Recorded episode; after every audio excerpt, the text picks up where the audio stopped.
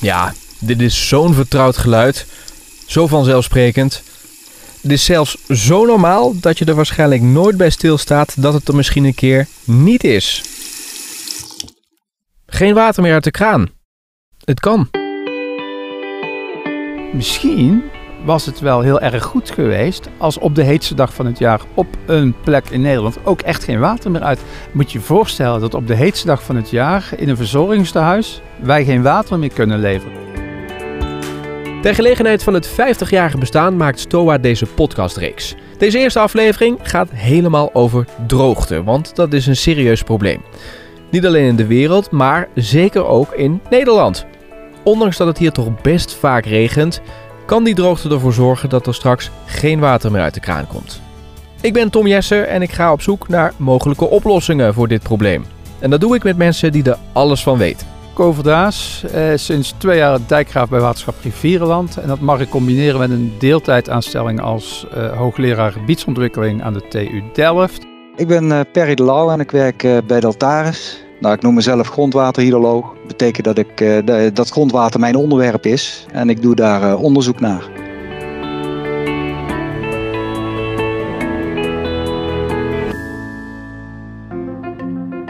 Met mijn eerste gast, Koverdaas, heb ik afgesproken op een speciale plek.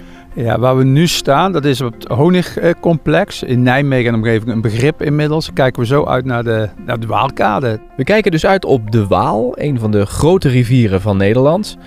En dat leek mij wel een geschikte plek om over dit onderwerp te praten. 95% van ons zoetwater laten wij gewoon de zee inlopen. Dat klopt. Dat zien we hier ook gebeuren. Waar zie je dat aan dan? Uh, nou ja, ja, nu vaart er slechts één boot. Maar je ziet dat de boten die, die stroomopwaarts gaan, die, nou, die varen misschien op, op een derde of de helft van de snelheid van de boten die stroomafwaarts gaan. Ja, en dat is zo die stroming. We hebben nu flink wat regen ook gehad in het stroomgebied, die buien van de laatste dagen. Ja, en dan zie je de rivieren zwellen, zeg maar, en de stroom toenemen. Ja, de bodem slijt ook uit daardoor, uh, omdat die vaart wel dieper is. Ja, en, en, en we laten gewoon de kapitalen de zee instromen. Ja, droogte is toch iets wat je vooral associeert met landen die dichter tegen de evenaar aan liggen. Maar het is ook hier in Nederland een serieus probleem. Ja, dat is echt iets van de laatste jaren. We hebben natuurlijk drie gigantisch droge, warme jaren achter de rug. Waarbij we op een paar punten in Nederland echt, ja, weet je, dat kantje boord was, komt er nog water uit de kraan. En dat bij het grote publiek is dat niet echt doorgedrongen nog. Maar dat is natuurlijk vanuit onze historie, waarbij we altijd water in overvloed hadden. Is bijna niet voor te stellen.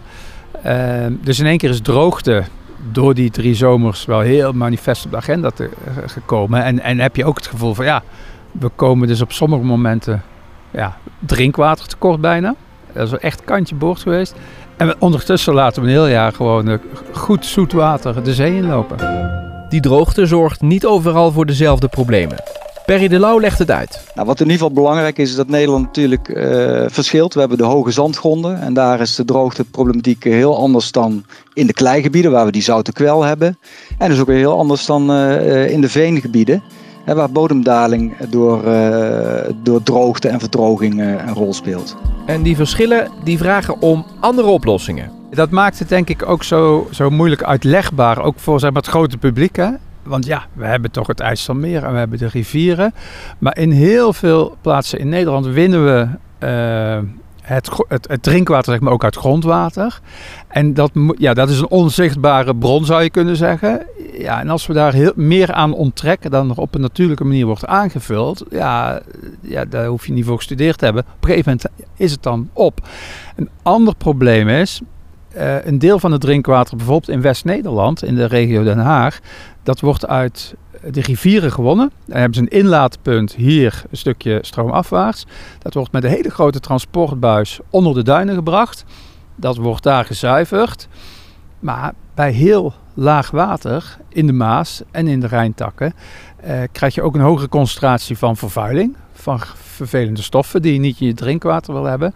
Nou, en dat, dat is ook een, uh, nou ja, wel een, een, een, probleem wat we al hebben, wat steeds groter wordt naarmate die rivier in de zomer lager staat en ook meer vervuiling bevat. Ja, dus ondanks de Waal die we hier hebben en de Maas, de twee grote rivieren van ons land, hebben we toch te maken met dat probleem dat jij net schetst. En precies op die eh, momenten in het jaar dat we het, het hardste nodig hebben, het water. Hè? Dus dat geldt voor de natuur en voor, voor tuinders, voor agrariërs. En ook natuurlijk voor onszelf als consument. Ja. Hoe, hoe nijpend is het probleem? Ja, weet je, nu, nu eh, denk je met, hè, nu staan we ook een beetje in de druilerige regen van, oh, nou ja, het zal zo vaak niet lopen. mee. Ja. Eh, maar het is echt nijpend. Er zijn regio's in dit land, met name op de hogere zandgronden, zoals we dat dan noemen, hè, Zuidoost-Brabant, maar ook hier oost van Nijmegen op de Stuwal, in de achterhoek, waarbij gewoon agrariërs, maar ook natuurgebieden ja, op omvallen staan, omdat er gewoon geen water. Hè, je kan het water ook niet zomaar even. Ja, dat kan wel, maar dat kost heel veel geld natuurlijk. Maar Ja. Maar op, wat bedoel je met op, op omvallen staan? nou ja, dat het dus zo droog is dat de oogsten mislukten. eh, Of dat er minder opbrengst is. En natuurgebieden eh, verdrogen. En je er ook dus voor de vraag komt te staan. Ja, accepteer je dat? Of ga je er gebiedsvreemd water naartoe brengen. Zodat dat natuur, natuurtype wat een bepaalde hoeveelheid water nodig heeft. toch kan blijven voortbestaan. ja. Dus zo nijpend is het. Ja, je zit misschien een tijdje te luisteren en je vraagt je vast af: wat kunnen we er nou aan doen? Net zoals de problemen verschillend zijn, geldt dat ook voor de oplossingen. Er zijn volgens Perry de Lauw drie zaken waar we mee aan de slag kunnen. Wat kan je nou doen? Eh, en dat, kijk, ad hoc kan je al bijna, kan je weinig doen. Als een droogte zich manifesteert, dan lukt het je al bijna niet meer om daar eh, eh, op tijd iets mee te doen. Dus je moet er eerder mee beginnen. En wat wij eigenlijk uit het onderzoek naar voren hebben eh, zien komen, en dat is trouwens niet alleen dit onderzoek, hè, dat hoor je nu continu, is dat, dat je het structureel moet aanpakken. Dat betekent, en dan zijn er eigenlijk drie hele belangrijke oplossingsrichtingen. Dat betekent meer water vasthouden. Twee is, eh, we moeten zorgen dat er minder water eh, uitgaat. Nou, en een derde oplossingsrichting, dat is meer water erin. Het goede nieuws is dus dat er verschillende oplossingen voorhanden zijn. Maar uiteindelijk moet er dus wel een keuze gemaakt worden. Technisch kunnen we alles. Ehm, kijk, er zijn nu ook studies wel in voorbereiding. hè. We zijn ook een landje van eh, makers, hè, dus wij, wij, wij gaan dit oplossen. Maar er komen wel een paar ja, behoorlijke eh, stevige keuzes achterweg. Een van de eh, studies nu is, ga je het IJsselmeer ophogen bijvoorbeeld. Hè? Eh, want dat is natuurlijk, als je daar een metertje water op zet, nou, dan heb je wel heel veel extra voorraad zoet water eh, in Nederland. Want hoe werkt het dan precies? Als je daar ophoogt, dan gaat het vanzelf naar de gebieden toe waar het nodig is. Nee, nee. Dan heb je een reservoir. Eh, maar dan moet je het nog naar de gebieden krijgen Ah, waar we het water willen hebben. Eh Vitens bijvoorbeeld is bezig met een, eh, een project waarbij ze kijken hoe kunnen we nu onze waterlevering zeg maar, aan de consumenten en aan instituten, aan ziekenhuizen, bejaardenhuizen, hoe kunnen we dat zeker stellen? En die willen bijvoorbeeld in de toekomst minder afhankelijk zijn van lokale bronnen in het grondwater, waarbij als het op is, is het op. Ja, Nou, en dan moet je dus investeren in leidingen, in opslag, in vernatting. Eh, en dat kan allemaal. Maar ja, we zijn een, een, een druk, dichtbevolkt land. En meestal als je ergens water opslaat, eh, ja, heeft dat gevolg voor wat je op de bovengrond nog kan doen. Dus dat zijn ingrijpende discussies. met andere woorden, dat, dat betekent ook voor de mensen die er wonen, bijvoorbeeld gevolgen als je het IJsselmeer ophoogt. Nou, je kan je voorstellen als je gebied, eh, als het IJsselmeer, en, en die die keuze zijn we nog lang niet aan toe, maar stel dat je daar ooit 1, 1,5 meter water op gaat zetten, zodat je in tijden van droogte voldoende zoet water hebt. Nou, dan heb je de vraag die je terecht stelde, hoe krijg je dan naar die plekken daar? Hè? Dan moet je dus in je, in je infrastructuur, je buizennetwerk gaan investeren. Maar ook voor de mensen die daar wonen, ja, dan moeten de dijken ook omhoog natuurlijk. Dus dat heeft los van dat heel veel geld kost, ongelooflijke consequenties voor hoe zo'n gebied eruit ziet. Ja. Nou, en als je weet wat het verzet soms is bij één windmolen in dit land, Dan kun je dit wel bedenken, kun je ja. het uittekenen. Ja. Ja. En lokaal opslaan, dus, de, dus het opslaan op de plekken waar het ook nodig is. Daar zijn ook heel veel initiatieven. Dus je ziet dat in de Achterhoek en, en, en, en Oost-Brabant, en daar zijn we hier ook mee bezig. We proberen steeds meer het water goed vast te houden. Eh, we hebben in het verleden eh, waren we vooral ingericht op het water zo snel mogelijk afvoeren, omdat we altijd genoeg dan wel te veel hadden. Eh, en nu zijn we met heel veel projecten bezig, ook op de Veluwe, om de beken meer te laten meanderen. Eh, ook gewoon in steden mensen te vragen, haal tegels uit de tuin. Hè? Ook met een beetje kleine s- eh, subsidietje, aanmoedigingspremie zou je kunnen zeggen. Omdat uiteindelijk, als je het bij de bron beter weet vast te houden, dan heb je meer buffer op het moment dat het droog is. Ja, dus, dat, dus ik schets eigenlijk het palet van ja, tegels uit de tuin, dat helpt, tot ja, grootschalig ingrijpen met het IJsselmeer ophogen. En ja, er zitten nog heel veel opties tussenin. En dat is, ja, uiteindelijk moeten daar politieke keuzes over gemaakt worden. Ja, we kan me voorstellen dat dat laatste, dat klinkt heel sympathiek, maar is misschien niet voldoende om dat grote probleem wat er toch is op te lossen. Ik zeg altijd, uh, beken laten meanderen en het water waar het valt in de bodem laten zakken, dat is no regret. Of je daarmee, gegeven de trendstudies ook van hoe snel ons klimaat verandert, of je daarmee over 20 jaar ook nog voldoende hebt, ja, dat is zeer de vraag. Ja. En gebruik maken van deze rivier, de Waal of misschien wel de Maas? Ja, weet je, de, de, uiteindelijk is het. Ik, ik, wil de dingen ook niet te ingewikkeld maken. Maar als je uh, weet dat 95% van het water uit de rivieren van voldoende kwaliteit is om, om gewassen mee te besproeien, natuurgebieden te, uh, nat te houden en, en ook drinkwater te genereren. Als je 95% ervan de zee in laat stromen, ja, er zijn plekken op de wereld waarbij ze denken van ja, die... die, die Helemaal koekoek. Ja, die zijn koekoek, ja. Hoe kun je dat laten gebeuren? Maar vergeet niet, in 1976 hadden we ook een droge zomer, hè? 76, dat is bijna 50 jaar terug. En daarna is het weer van de agenda gegaan. En door die laatste drie droge, warme jaren en echt het besef van twee dagen langer die hittegolf. En er was geen water uit de kraan gekomen. Niet in heel Nederland, hè, maar op een paar punten. Ja, kun je dat, niet voorstellen. Dat kun je niet voorstellen, nee. Nog even terug naar die verschillende gebieden in Nederland, waar Perry het eerder in deze podcast over had. Want voor elk van die gebieden ligt er een ander plan van aanpak klaar. Het kleigebied, hè, zoals Zeeland, maar ook uh, Zuid-Holland. Uh, ja, dan, dan is het uh, proberen om die zoetwater beschikbaarheid te vergroten. Nou, daar zijn we bezig met pilots in Zeeland om zoetwater op te slaan in de ondergrond. Hè, door het zoute grondwater te, weg te duwen door het zoete water. En dan heb je in de zomer meer zoetwater beschikbaar om te beregenen. Een andere vorm daarin in Zeeland is om te kijken of je de zoetwatervraag kan verminderen. Nou, dat kan door bijvoorbeeld meer zouttolerantere gewassen. Nou, als je kijkt naar de veengebieden, dan moet je dus echt, uh, naast dat bodemdaling een probleem geeft, geeft de oxidatie van het veen, wat eigenlijk gebeurt, leidt tot grote CO2-uitstoot. Dus ja, dat is gewoon echt een belangrijk vraagstuk en een belangrijke opgave voor de komende tijd. Dus daar moet je, ja, daar moet je toch denken aan hogere grondwaterstanden en niet steeds maar met de bodemdaling meegaan. Want dan, uh, ja, dan blijf je dat veen opbranden. Nou, dan komen we op de zand, uh, zandgronden. En daar, daar hebben we inderdaad sinds twee jaar een, een, een, groot onderzoek lopen. Wat we samen doen met NO-HTO en KWR en nog een paar. de WUR onder andere. En daar, daar, proberen we dus de droogte van 2018-19. terwijl we bezig wa waren met het onderzoek, werd het, kwam er weer een droog jaar bij. Van nou, hoe heeft, heeft die droogte nou wat voor effect nu op het watersysteem, voor de landbouw, voor de natuur?